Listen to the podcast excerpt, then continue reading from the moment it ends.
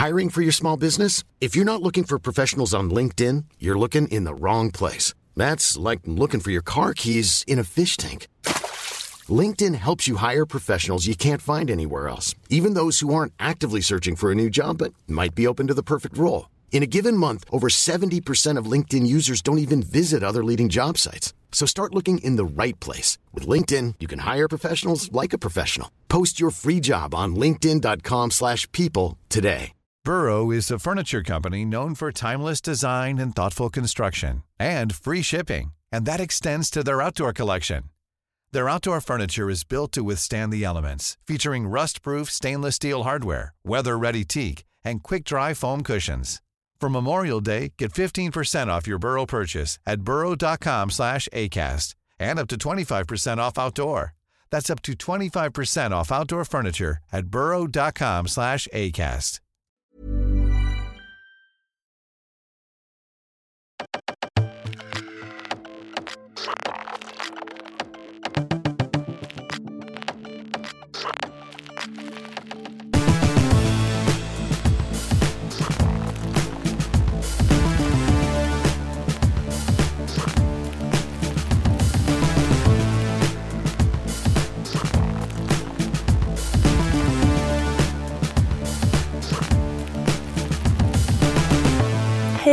det är jättekul att vara tillbaka till podden. Jag har inte poddat på en vecka och eh, jag har aldrig poddat faktiskt hemma i mitt flickrum.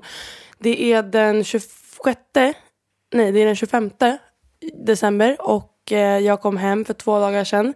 Det har varit ett par hektiska dagar för att jag Mm, om ni följer mig på TikTok så har ni sett att eh, jag har letat så mycket lägenheter och varit så himla sugen på att flytta ut. Jag hade som plan att bara flytta och dra från Fröken Braj för att jag var så jävla less på, på att bo där. Och jag har även sagt att jag ska eh, utveckla lite varför jag har varit så jävla på senaste mån om att dra därifrån.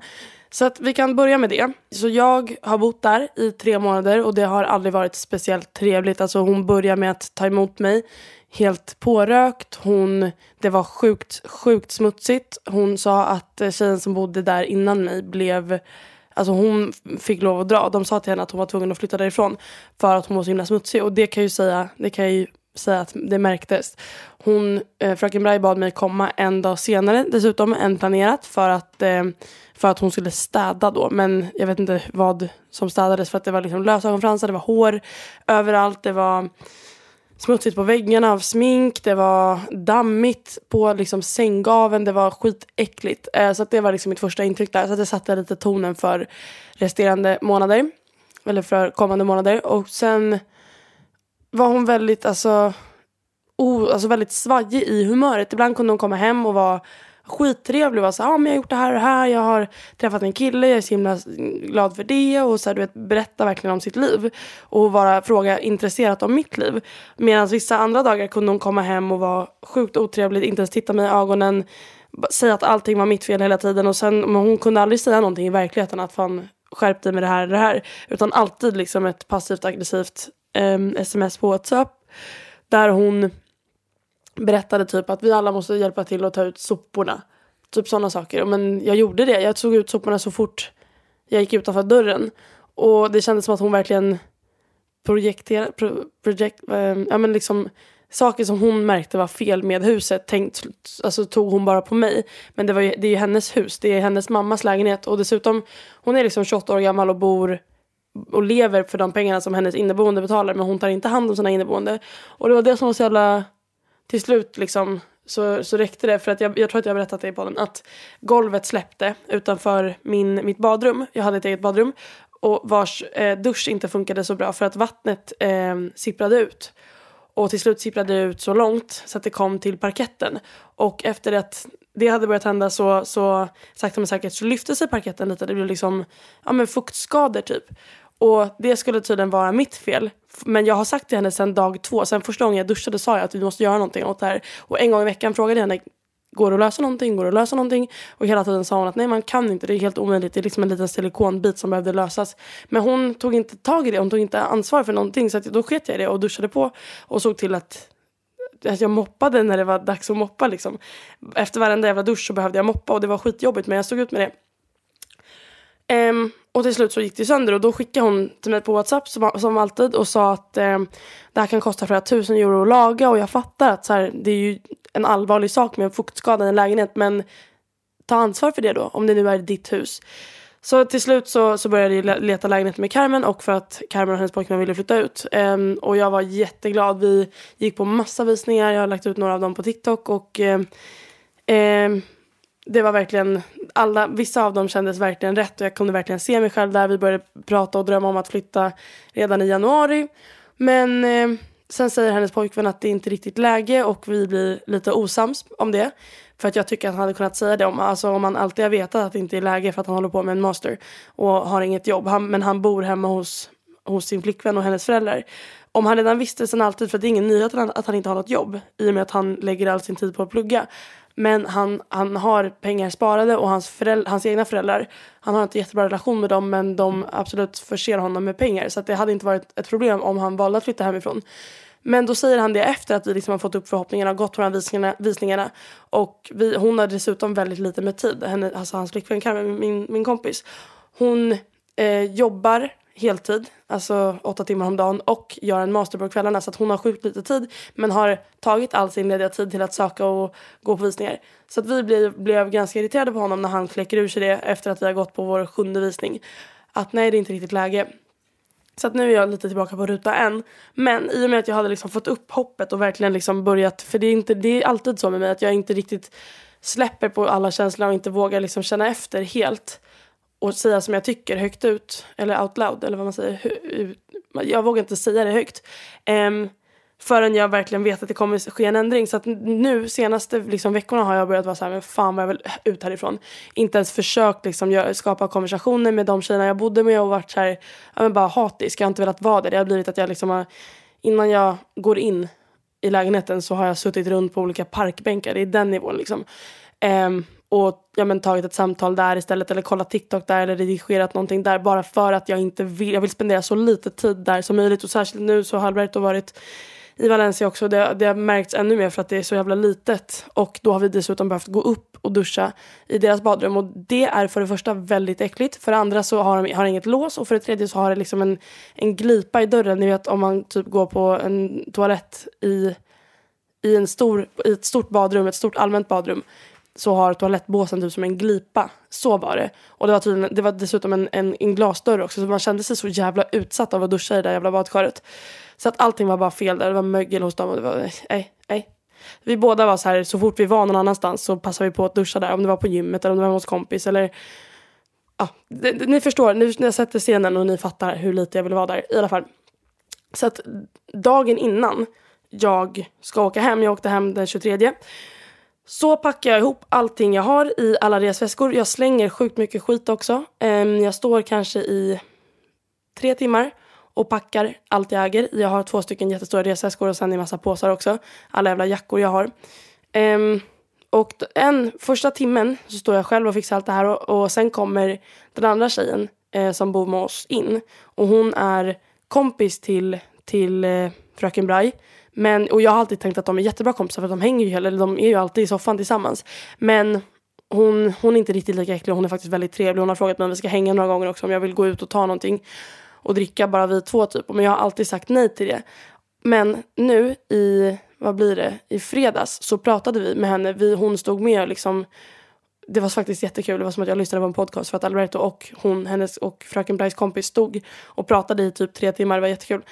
Mm, och det kom fram hur mycket hon ogillar fröken Braj också. Hon eh, berättade att hon, den här, alltså att hon inte röker gräs. Hon tycker att, det, att, att fröken Braj är sjukt lowlife. Och hon bor bara där för att ja, hon har ingen annanstans att ta vägen. Och hon bor rätt billigt. Hon betalade ännu mindre än vad jag betalade. Jag betalade 400 euro för att bo i det rummet i månaden. Eh, inklusive, nej exklusive gastos, alltså el, gas, vatten och så.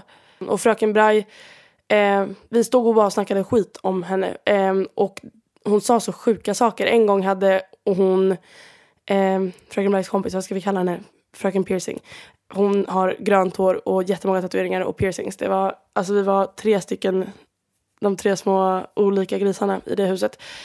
Um, hon, fröken Piercing åkte hem till, till sin mamma över en helg Och eh, fröken Bright tar hem massa kompisar och låter två av dem ligga, sova och ligga i fröken Piercings säng. Och eh, de här människorna lämnar mensfläckar och tuggummin kletade på väggarna i hennes sovrum. Och när hon kommer hem så är hon såklart skitförbannad och är såhär, vad fan är det här? Vad äckliga ni är och varför har ni inte sagt någonting? Ni hade absolut kunnat få låna mitt sovrum men fråga om lov och behandla det med respekt. Varpå fröken Braj hade svarat henne att nej men oj då, det var inte så bra men vet du vad, du kan köpa ett lås.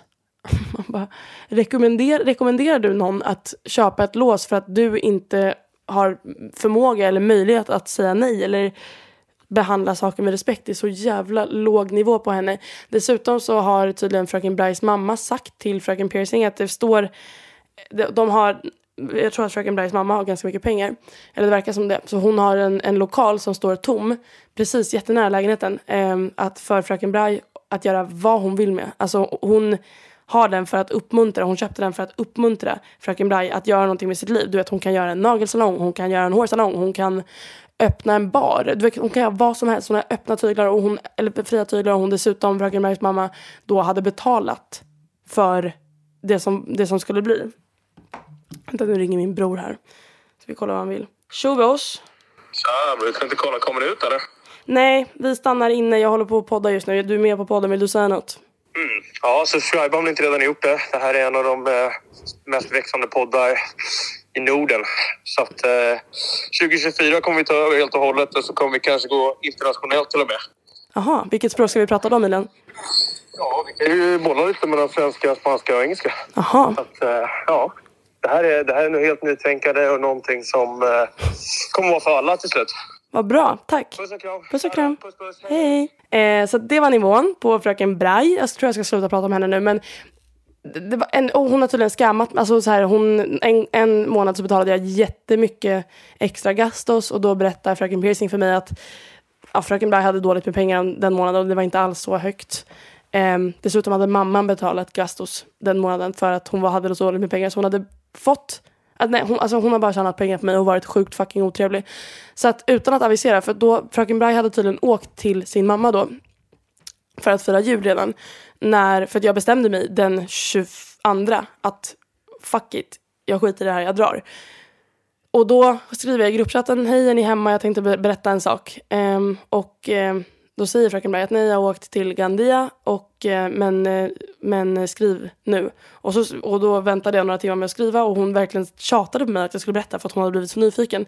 Så sen skriver jag att hej, jag är ledsen att det kommer med så short notice och särskilt när, att jag inte kan göra det i verkligheten men jag ville säga tack för den här tiden. Jag, eh, och så ljög jag och sa att det var en familjesituation, knock on wood, hemma i Sverige som jag var tvungen att ta hand om och jag vet inte när jag kommer tillbaka men jag kommer absolut eller, men jag kommer inte att komma tillbaka till lägenheten i januari eh, ciao.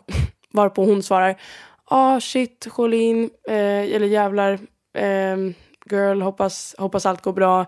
Eh, jag är ledsen om jag har varit jobbig mot dig någon gång men jag hoppas att du förstår att det är jättesvårt att ta hand om ett hus när hon var trevlig men ja, hon är sjukt svajig i humöret. Och dessutom hade fucking fröken Piercing sagt att eh, att fröken Bly förmodligen bara har, alltså, bara sa ja till mig att bo i lägenheten för att jag är vacker. För hon är tydligen besatt av att omringa sig av vackra människor.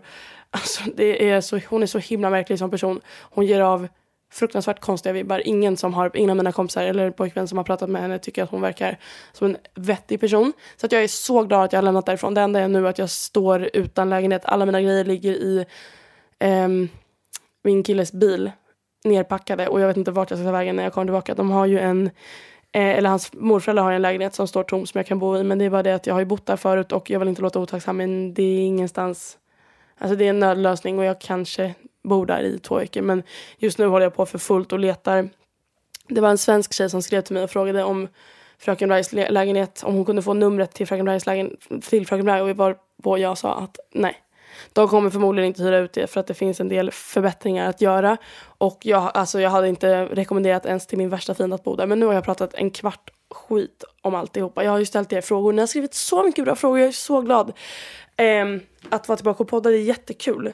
Och jag älskar, jag har faktiskt fått så mycket kärlek på senaste. Alltså, bara det här DMet, jag ska faktiskt läsa upp det. Jag hoppas att ni inte tycker att jag är liksom narsi, men eh, jag tyckte det var så himla vackert. Alltså Hedvig, herregud vad jag gillade avsnittet Filip luskar ut Djupvig då när jag poddade med Filip. Eh, avsnittets, eh, ja så heter avsnittet om ni vill lyssna på det, men det var, mm, målet var att jag skulle öppna upp mig lite mer, vilket jag verkligen gjorde. Och hon skriver här, frågorna var sjukt intressanta och att kunna förstå dig mer som person var väldigt fint. Även fast avsnittet handlade om dig så tyckte jag att jag lärde mig en hel del saker om mig själv också. Och det med att kommunicera med sina vänner vad som är deras triggers samtidigt och samtidigt att ge dem förståelse vad mina är var en så viktig påminnelse. Jag är 16 år och har aldrig upplevt kärlek. Har gått på två dejter men djupa känslor har inte dykt upp och jag blev så glad och ärligt talat mer hoppfull när du säger att kärleken kommer när man minst anar det.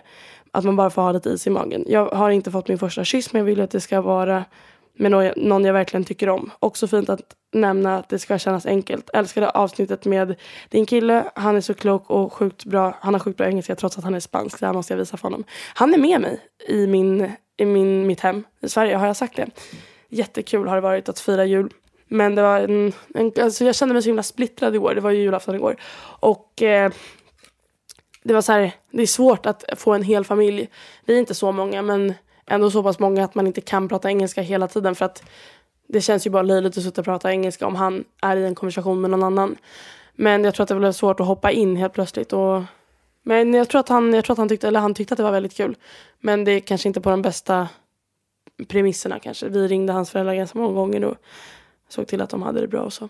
Men nu är det då dags för, så där var min lilla hybris boost till mig själv idag. Det är en, såna här meddelanden är så viktiga för att, eller de inte, alltså jag hade fortsatt med podden även om jag inte fick den här typen av kärlek. Men det gör det bara så himla mycket roligare att fortsätta. Det är verkligen som ett pris, eller som att, det är som ett kvitto på att det man gör och säger faktiskt spelar roll och att ni kommer ihåg sakerna. Det ska bli Nej, men det, det, gör det hela bara, liksom, det känns mer personligt. Det känns som att jag fattar mer att jag faktiskt sitter och pratar. Att ni faktiskt sitter och lyssnar. Jag vet inte vad ni gör. Ni kanske sitter på bussen, ni kanske sminkar er, ni kanske, vad gör ni mer? Ni kanske är ute på en promenad. Men att bara veta att det finns folk som lyssnar istället för att bara tänka att ja, men jag gör det här för jobb, för att det gör jag inte. Um, jag tror jag ska försöka svara på varenda fråga som finns här mer eller mindre. För att jag tycker att ni förtjänar det. Det känns jättetaskigt att be folk svara, fråga frågor men inte svara. Men vissa svar kanske jag redan har sagt eller hänvis, jag kanske hänvisar till ett annat avsnitt. Okej, då börjar vi. Ni alla är anonyma såklart. Här är någon som frågar hur i helvete slutar man att vara rädd för att vara i en relation? Jag tror att svaret på det beror på vad du har för typ av rädsla. Om du är rädd för att tappa kontrollen och tycka om någon så pass mycket att du inte kan att du inte, jag menar att du tappar dig själv lite så måste du nog jobba på att veta vem du själv är och vad du själv tycker om innan. Eh, är du rädd för att vara i en relation för att du är rädd för att bli sårad så tror jag att det handlar lite om mindset. Jag tror att du måste tänka att man kan bli sårad i vilken situation som helst men det är bättre att i alla fall ha upplevt saker. Livet handlar om att uppleva saker. Vad hade livet varit om det bara var plant och enformigt och tomt på känslor och ups, ups and downs, tänker jag. Kan vi prata om folk som typ lägger onödiga kommentarer som oj akne? Eh, ja, det kan vi väl, men vad fan ska vi säga om dem? De är ju obviously väldigt osäkra eller så har de inget filter alls och då tror jag att om du tycker om personen så är det värt att försöka säga till den att vet du vad, så säger man inte. Försök tänka efter en gång innan och eh, förklara för den. För det, det, kanske, det kanske är så simpelt att personen inte lägger någon värdering i det den säger utan bara, jag vet inte, är omogen. Det är, så, alltså det, det, är som om, det är som när ett barn säger så. Varför har du en prick där? Varför är din prick på, på kinden gul och röd som, alltså, som en finne? De menar ju inget illa, de lägger ingen värdering i det utan de bara konstaterar. Men när vi kommer upp i en viss ålder så är det dags att sluta konstatera och det kanske du kan försöka säga till den personen då om du tycker att det är en person som är värd att hänga med. Vad fuck är universum är det någon som frågar? Ja, ja, den frågan kan jag sitta och grubbla på hur länge som helst. Alltså faktumet att det, att, det, att det ska vara oändligt gör mig väldigt, men det kan ju inte vara så. Eller kan det vara så? Jag fattar inte. Jag, har, jag, jag, jag fattar inte. Jag borde egentligen läsa på om det där. Här har vi någon som frågar om tre tips för att göra en utekväll perfekt. Och rent spontant så känner jag att inte stressa utan att ha det på, på två sätt. Inte stressa om att ha en utekväll. Alltså ha det när du verkligen är sugen och liksom har planerat med vissa människor. Inte bara sitta och fixa dig och dra ut till stan för att dra ut till stan. Utan ha en plan. Och var inte stressad när du fixar dig. För det är väldigt viktigt för mig vart jag än går att om jag nu har lagt tid på att fixa mig. Jag kan, jag kan absolut gå ut, inte ut och festa kanske, men gå ut genom dörren och vara skit ofräsch. Alltså inte ha duschat, ta på mig fula kläder och vara ful. Men för mig är det viktigt om jag nu har om det nu syns att jag har lagt tid på att försöka se presentabel ut. Om jag inte känner mig snygg då, då tycker jag att det är... Jag blir skitirriterad. Så att, ta din tid när du fixar dig och eh, sätt tonen för kvällen när du fixar dig. Antingen lyssna på en härlig podd, lyssna på min podd som ska gå internationellt ut i Norden eller vad vi nu sa.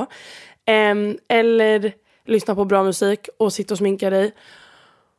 Och ja, eller gör det tillsammans med en kompis, det är också kul. Men jag kan bli ganska stressad av det också. Alltså, uff, jag kommer ihåg när man var yngre och skulle fixa sig. Och man alltid skulle fixa sig tillsammans och så satt man typ fem stycken och alla bankade armbågar med varandra. Och det var så jävla stressigt och så skulle man jämföra sig och så skulle någon prova en sminkning på någon annan men det blev skitfult men man kände sig taskig för att man sa att man inte tyckte om det. Men det var ändå det som var um, girlhooden. Okej, ett annat är väl att om du dricker, drick med måtta tänkte jag säga, men det var inte alls det jag menade. Utan drick dig upp till en rimlig nivå, men långsamt. Det är inte värt, det är inte kul att vara stressad återigen eh, och sen dricka fyra shots på rad så att du blir helt varm i magen och bubblig och det är äckligt och du är nära på att spy och sen kommer fyllan som en pangprutt. Utan börja med ett glas champagne när du fixar dig och sen dricker du vin till middagen och sen Mm, tar du en drink innan du går ut och sen tar du en shot på klubben och sen får det väl räcka så. Eller jag vet inte, det kanske var jättemycket alkohol. Men eh, jag tror att det var så jag gjorde förut.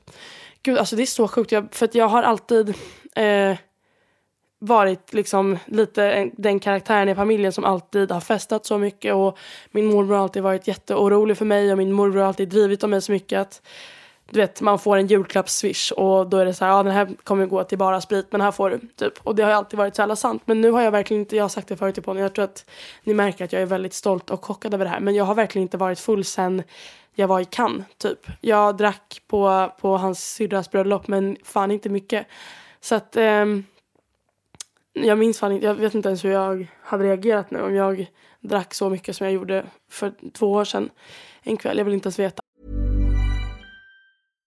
How would you like to look five years younger? In a clinical study, people that had volume added with Juvederm Voluma XC in the cheeks perceived themselves as looking five years younger at six months after treatment. Look younger, feel like you. Add volume for lift and contour in the cheeks with Juvederm Voluma XC. Reverse signs of aging by adding volume to smooth laugh lines with Juvederm Volure XC. For important safety information and to find a licensed specialist, visit juvederm.com. That's J U V E D E R M.com. Not for people with severe allergic reactions, allergies to lidocaine, or the proteins used in Juvederm. Common side effects include injection site redness, swelling, pain, tenderness, firmness, lumps, bumps, bruising, discoloration, or itching. There's a risk of unintentional injection into a blood vessel, which can cause vision abnormalities, blindness, stroke, temporary scabs, or scarring. Talk to a licensed specialist to find out if it's right for you.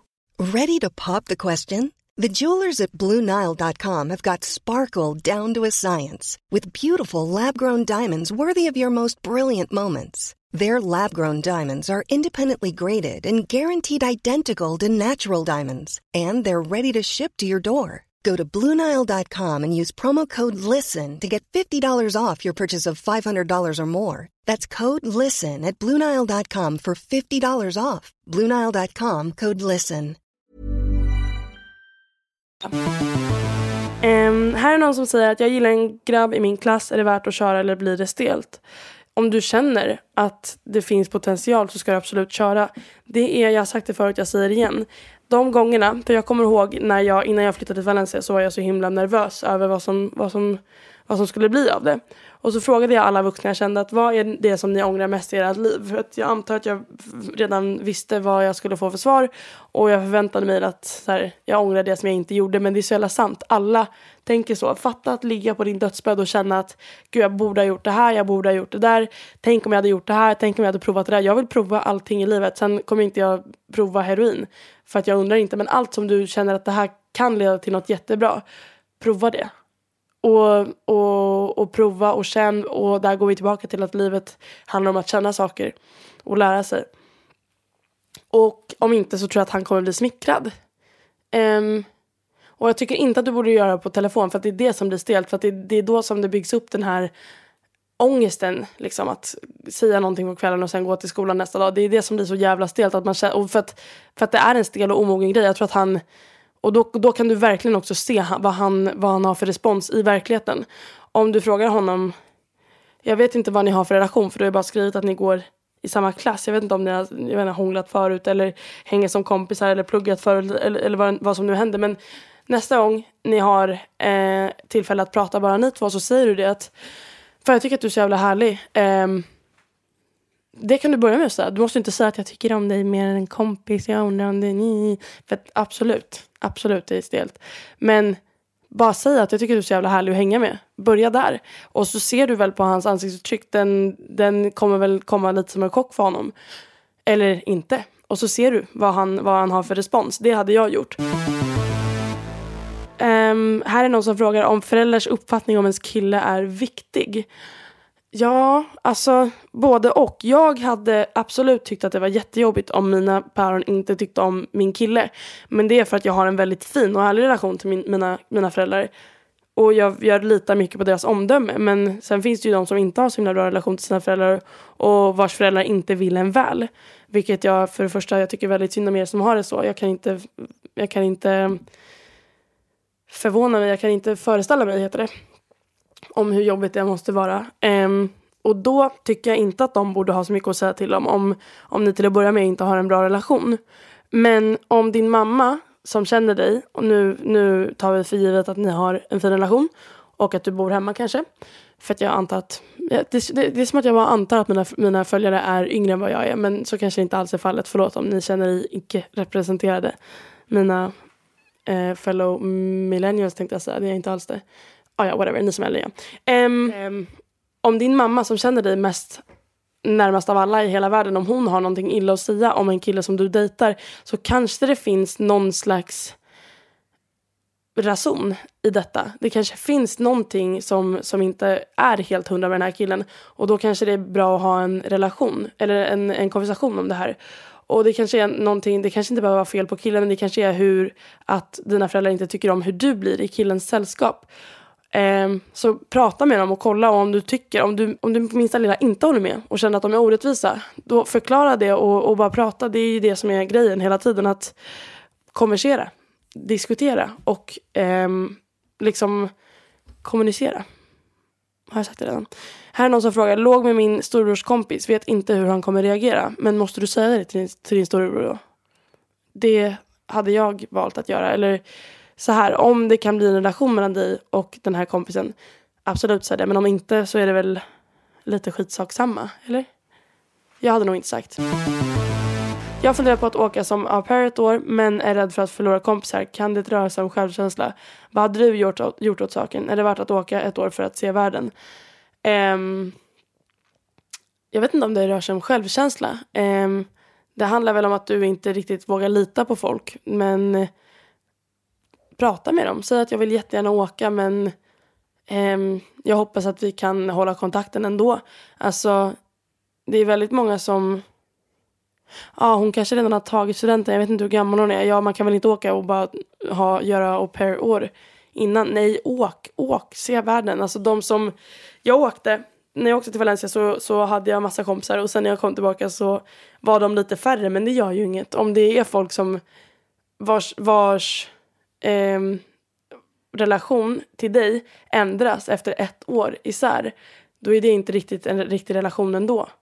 Eh, och den typen av relation kan du hitta var som helst. Att hitta en så pass ytlig relation, det kommer du göra där borta när du är au pair också.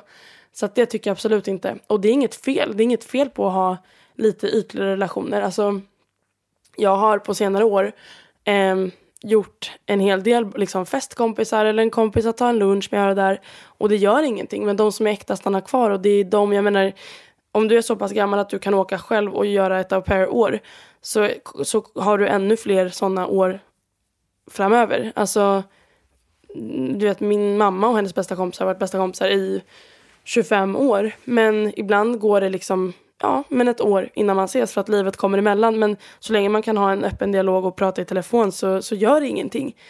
det finns så mycket mer än att bara ses i verkligheten. Alltså distansen gör, man brukar ju säga det att distans gör att det som är på riktigt växer starkare och det som är på låtsas tvinas bort. Och, eller tvinas bort, tvinas, förtvinas. Och så är det ju. Här är någon annan som skriver, jag har blivit, gått och blivit kär i en självmordsbenägen grabb som bor i Holland. Är det värt att, värt att kämpa på? Hmm. Om du har träffat honom i verkligheten och du känner en fin connection till honom och du känner att det är värt att försöka stötta honom så absolut. Men om du är någon som du har träffat på internet, eller jag vet inte. Jag sa nyss att man inte måste vara i varandras närhet men det känns som en krånglig situation. Men om du mår bra av honom så gör det. Men det känns som att, jag vet inte. Sättet du skrev om honom på var inte jättekärleksfullt kanske så att. Nej. Jag tror att du tycker att han är lite intressant. Om det är sättet du beskriver honom på som självmordsbenägen och i Holland så tycker, så tycker du att det är lite spännande att han är från ett annat land och att du behöver lösa saker åt honom. Men att du inte riktigt är liksom där kärleksmässigt. Här är någon som frågar, eh, hur såg din skoltid ut? Var du bra i skolan eller dålig? Ganska medelmåttig. Alltså jag gick till skolan för att jag tyckte att det var kul att hänga med kompisarna. Eh, och jag tyckte att många ämnen, må, de lätta ämnena tyckte jag att var så lätta att jag inte behövde plugga. Och sen gick det inte skitbra på proven ändå för att jag inte hade pluggat, typ i svenska. Jag har alltid haft väldigt lätt för svenska men jag kunde skita i det för att det var så lätt så att jag klarade mig på ett C. Även om jag hade kunnat ha liksom lysande A alla år. Och sen i matten tyckte jag var så himla svår att jag sket i det för det. Så att jag har ganska medelmåttiga betyg. Men det är ingenting som, som någonsin har stört mig. Alltså när jag gick i nian och det var dags att söka och mina två bästa kompisar sökte till VG i Djursholm och kom in med sina 300 poäng så tyckte jag att det var lite pinigt att jag hade satt där med 250. Men det är inte heller någonting som spelar så jävla mycket roll. Men det, man märker det när man blir äldre att Alltså så här, man kan inte definiera någon efter betyg. Det är så jävla löjligt. Här är någon som skriver att du känns så mycket som en öppen bok på, i, på din TikTok och i podden. Men vilka saker skulle du aldrig kunna tänka dig att dela med dig om? Puss puss, du är bäst. Um, alltså det är inte för att jag har så himla grova politiska åsikter åt något håll. Men jag skulle inte dela med mig av det bara för att det är så jävla kontroversiellt. Och jag orkar inte sitta och tjafsa med folk på internet. Jag skulle inte dela med mig av saker jag gör privat med min partner för att jag tycker att det är osmakligt. Jag tycker att det är brist på respekt till honom, till relationen och vad fan ska ni, varför ska ni föreställa mig i någon ställning i sängen? Eh, jag tycker inte att det är fel att göra det men jag tycker att det är osmakligt. Alltså jag tycker inte att det är fel att vara öppen med sex. Alltså så här, man, jag kan prata om sex, jag kan, jag kan, jag, alltså det är ingenting som, inget ämne jag är hysch om men, men detaljer i sig tycker jag är ofräscht. Här frågar man när det var första gången du drack. Drack du som mindreårig? I så fall några historier från det. Historierna från det tog jag ju först i förra avsnittet. Det var inte, inte alls bra. Men ja, jag, första gången jag drack var jag typ 15.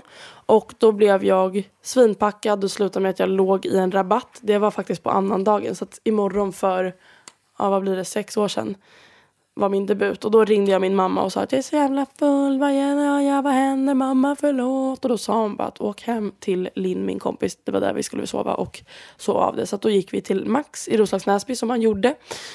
Åt en pommes, pommes och sen kom jag hem och spydde på hennes golv. Förlåt för det. Här frågar vi hur överlever man fyra månaders distansförhållande? Man pratar. Man är väldigt öppen och ärlig. Man har en specifik tid när man pratar varje dag. Ehm, jag hade inte skrivit för mycket genom dagens gång utan man, man har en liten samman, sammanställning av dagen. Eller senaste två, tre dagarna om man inte har tid. Eh, någon kväll och prata lite längre. Så att man inte att man har någonting att prata om när man väl pratar. För att jag menar, hade ni haft en vardag tillsammans hade du gått till jobbet och han gått till jobbet men att ni hade jobbat en 20 minuter ifrån varandra så hade ni inte suttit och skrivit varje dag. Så försök göra det, oj, försök göra det till så, en, ja, men så normalt som möjligt. Hade ni hängt så hade ni pratat om dagen i verkligheten. Så gör det på distans också. Hur kommer man över sättet man blev behandlad förut när man hittat en bra kille nu? Skitsvår fråga. Ingen aning. Ehm, prata. Berätta för honom, för din nya kille, vad din gamla kille gjorde och varför det gjorde dig illa och varför du är som du är eller varför du agerar som du agerar om det är någon gång som du är toxic. Um, och um, ja, förklara det för honom men utan att sitta och bara prata skit om honom utan ta, ta en stund och berätta liksom och vad det har, hur det har sårat dig. Till exempel, han kunde bli helt iskall mot mig bara för minsta lilla fel jag gjorde och, och hota mig om att vi, att vi skulle göra slut och därför är jag jättenojig nu och vågar inte göra fel och trippa på tå och pratar inte för mycket. Alltså jag vågar inte, jag vet inte vad det kan ha för, för konsekvens men säg att du kanske, ja men du, nu är du rädd för konfrontation av den anledningen och därför säger du inte när du tycker att någonting är fel och därför blir en liten grej en stor sak när ni väl grälar, typ en sån sak, jag vet inte. Um, och förklara förklar då för honom och då kommer han såklart svara nu om han är en bra kille så kommer han svara att älskling det gör ingenting men försök vara mer öppen med dina känslor för att det gör det lättare för både dig och mig. Och snälla, eh, försök att skilja på våran, våran relation och ditt eh, förflutna för att det kommer göra oss båda bättre och så kommer allting vara jättebra och så kommer ni pussas och knulla och så kommer ni må jättebra puss. Eh, här frågar någon mina vänner har börjat ignorera mig och inte och plus ej bjuder mig på tjejmiddag. Vad gör man? Byt gymnasium.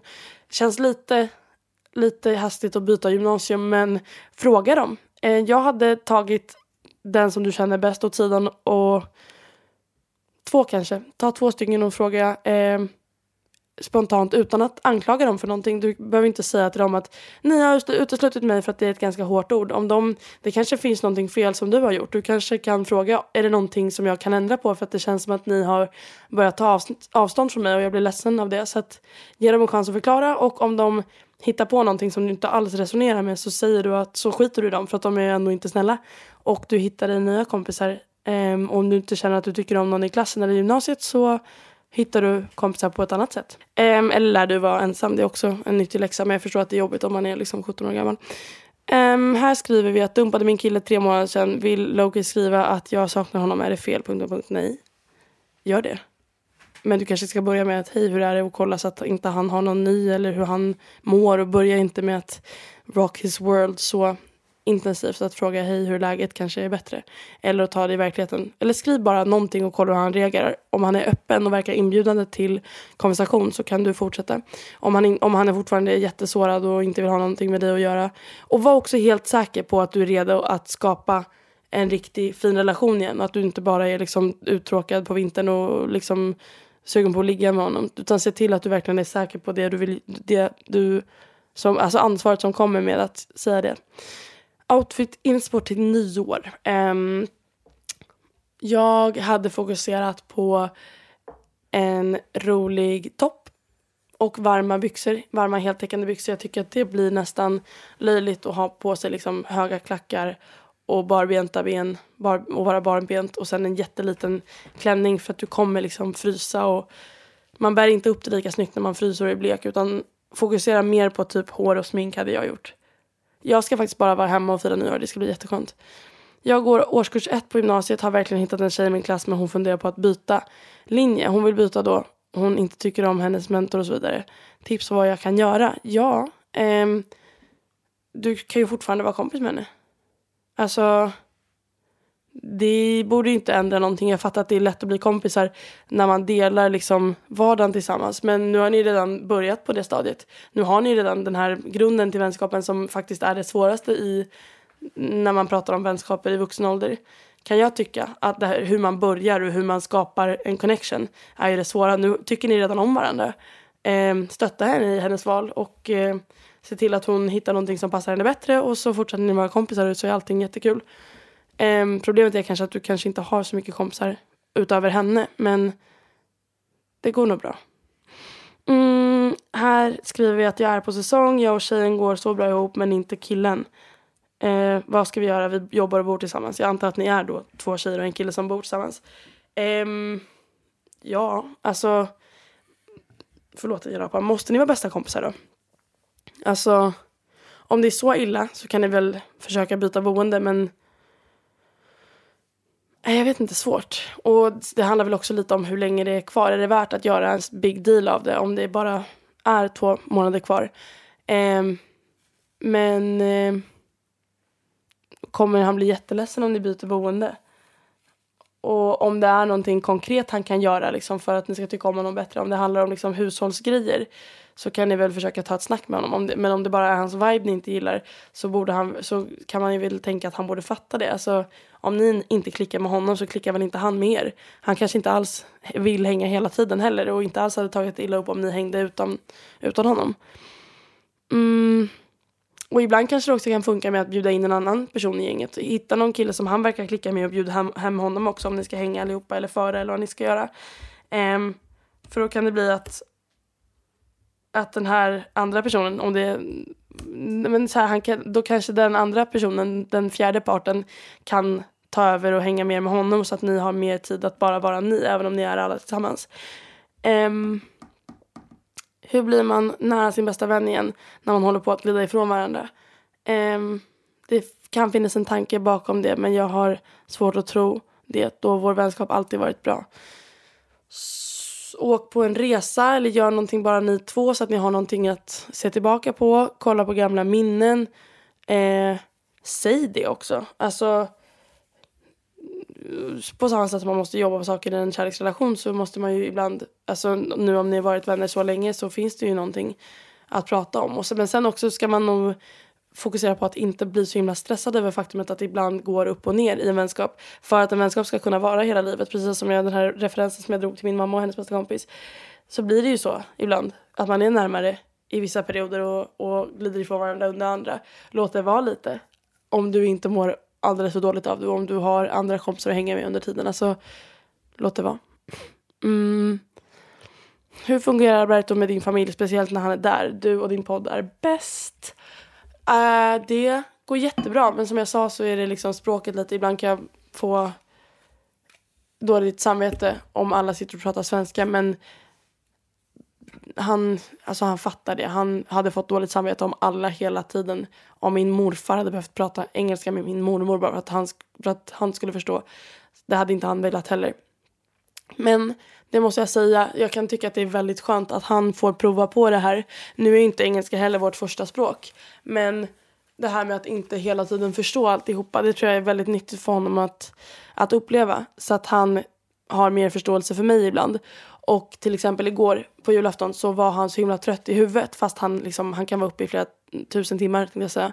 Bara han får äta mycket och det har vi verkligen gjort så, kan, så blir inte han så himla trött. Men igår var han verkligen trött i huvudet av att prata så mycket engelska.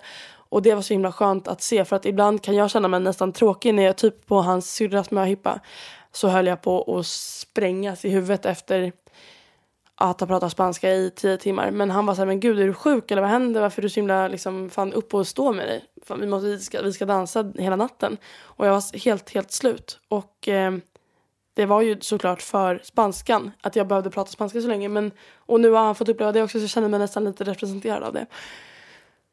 Andas Hedvig. Mm, hur var det första gången du började skolan i Spanien? Um, om vi pratar om spanska skolan som jag började på så var det jättekul. Jag hamnade i en klass med... Eh, vad fan? Jag minns inte vad det var för klass. Men det var massa holländare, mm, några japaner eh, och eh, en amerikan tror jag också. Det var jättekul. Det var väldigt intressant för att det var så mycket olika nationaliteter att prata, prata med. En tysk också. och Ja, det var skitintressant. Det var alltid någonting att prata om. Liksom. Men jag kände det var verkligen så här jag tänkte att jag aldrig, aldrig, aldrig skulle kunna bemästra språket. Men nu att se tillbaka på gamla uppgifter man gjorde så är det så himla... Det känns som att det har hänt så, så, eller det har hänt så, så mycket på senaste året. Um, pinsamma saken jag gjort är att gå in på min brors tjej när min brors tjej satt på honom. Ja, fy fan vilken ångest. Hur berättar jag till min kille att jag vill att han ska spendera mer tid med mig? Fråga honom om han känner till love languages och när han svarar att nej, vad är det? Så berättar du att eh, det finns olika saker som olika människor eh, uppfattar som kärlek. Och eh, för mig är det väldigt viktigt att spendera kärleks eller kvalitetstid med, med dig. Och då menar jag inte bara att vi vaknar tillsammans eller att, vi, att du sitter och spelar medan jag sitter och gör mina läxor. Utan det är viktigt för mig att hitta på saker och det handlar inte om att hitta, ut, hitta på saker i, som i att gå ut och spendera pengar eller att vi måste vara jättefina och fixade eller att ha en jättestor plan. Utan att bara göra saker och prata med varandra och dela upplevelser och minnen, minnen tillsammans. Få mig att känna mig älskad. Så att om du hade kunnat fokusera på det lite mer eh, när du planerar träffar eh, så, så gör jag det också och då kommer, så gör jag, så kommer jag göra det också. Och jag, du kommer ha en lyckligare flickvän. Är det någonting jag kan göra för dig? Vet du vad ditt kärleksspråk är? Och så pratar ni lite så så att han inte känner sig bara beordrad att göra saker utan att ni har det som ett litet snack för, för relationens skull. Du behöver inte ta det som ett jättestort liksom Hej Alex, vi måste prata du och jag. Utan att du tar det bara som att det vore en vanlig konversation för att det är en vanlig konversation. Det är inget konstigt att berätta hur, hur du vill bli älskad. Det är verkligen det bästa du kan göra för en relation. Hur skaffar man vänner som vuxen när man flyttar till en ny stad? Eh, söker dig till nya eh, organisationer tänkte jag säga, men nya liksom sammanhang. Ett nytt jobb eller en ny, ett nytt gym eller gymklasser är verkligen en bra idé. Nu, de gymklasserna jag har varit på har det verkligen bara varit gamla tanter men det är ingen som har sagt att man inte kan vara bra kompis med en gammal tant. Um, alltså, för att det, alltså när man utövar en sport tillsammans och alla skrattar åt att det är för jävligt och att man känner sig helt ur form. Där har man ju verkligen sett varandra i en så pass liksom skör stund av ens personlighet och ens liv. Så där, redan där är det lätt att nog börja småprata och snickersnacka. Det tycker jag. Tror min killbästa vän gillar mig men jag gillar inte han. Vad ska jag göra? Um, uff, um, om, om du inte märker att han mår illa, att han far illa av den obesvarade kärleken så tror jag att du inte ska göra någonting. För det hade också blivit fitt stelt om du hade sagt att vet du vad Hugo, jag vet att du tycker om mig och han hade sagt what the fuck, eh, nej, jag dejtar en annan och jag är homosexuell. Så att skit i det. Alltså skit, försök skita i det och låt det ligga i hans händer. Eh, och sen när han väl säger någonting då kan du säga att va, jag visste ingenting. Typ. Alltså så här, mm spela lite dum där och eh, ja, det, det, är upp till honom. Du behöver inte, det är nog en väldigt så här tjejig grej att tycka att man är eh, ansvarig för allas känslor. Det är du inte. Om han råkar gilla dig, ja, härligt för dig, du är en omtyckbar person men lämna det till honom. Hur slutar jag spendera pengar? Ja, oh, inte fan vet jag för att jag har också det problemet. Men se till att du spenderar pengar på bra saker om du nu ska spendera pengarna. Till exempel kläder som inte är eh, vad heter det? nyproduktion. Åldersskillnader när man är yngre i tonåringen. Vad som du tycker är acceptabelt och lite så. Eh, ja, du, det känns som att tre, fyra år är ganska mycket om du är under 20. Eh, men över 25 så kan, man, så kan man dra ganska långt i de trådarna. Men så länge det känns bra. Alltså det känns som att varenda person som ställer den frågan har på känn att, att någonting är off. Jag menar om du är en omogen 14-åring och någon som är 18 och ganska mogen och har sitt shit together om han är intresserad i, dessutom om han är kille, det känns som att det alltid är killar som är äldre. Om det känns konstigt, om du känns som att du måste fråga om lov för att få hålla på med honom så är det någonting som är off och då kanske du ska vänta lite. Eh, så där borde, borde jag nog säga att magkänslan avgör. Eh, och lyssna på din omgivning, vad de får för vibes av honom.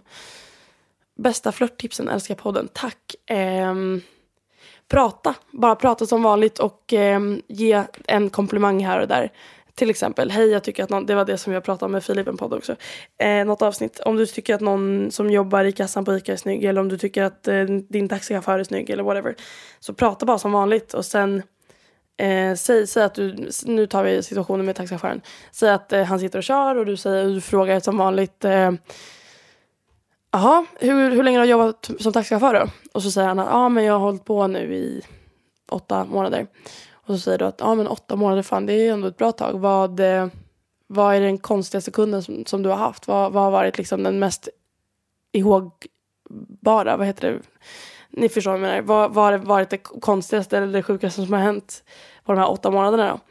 Så kommer han svara att ah, en gång var det en brud som spydde i sin egen handväska och sen försökte hon dölja det och sen luktade det spya i hela bilen och herregud. Och, men jag, gav inte, jag bad inte henne om swish för att jag var, jag var så himla ny till jobbet. Men det var nog det äckligaste som har hänt.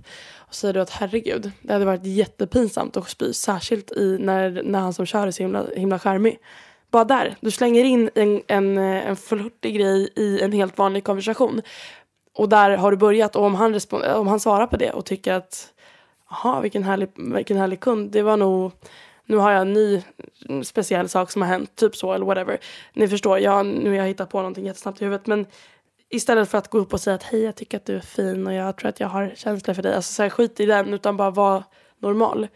Men lite extra flörtig. Där har ni det. Här frågar man, jag har blivit bjuden på en nyårsfest men aldrig druckit men alla mina vänner har det. Vad gör man? Du dricker inte. Alltså det är skitjobbigt att stå dyngrak för första gången på nyår av alla ställen när det är svårt att få tag i taxi. Se till att hålla dig, hålla dig i skinnet och sen om du, nu, om du nu vill prova att dricka första gången så gör det en härlig sommarkväll med några kompisar istället för att liksom ta det på den jävligaste högtiden av alla. Jag tycker att nyår är sämst i, all, i allmänhet.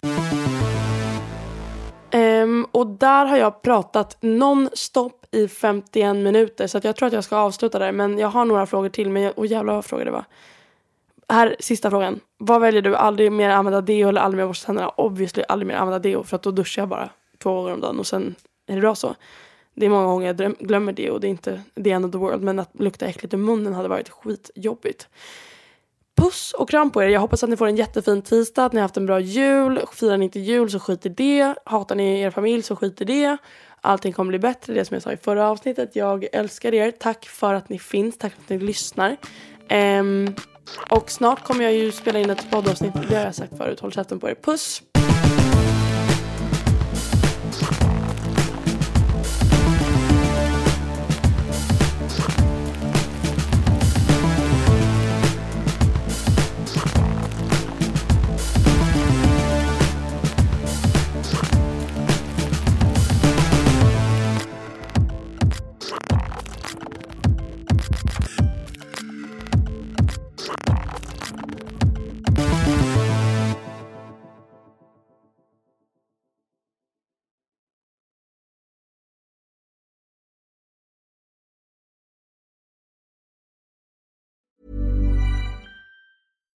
Here's a cool fact a crocodile can't stick out its tongue.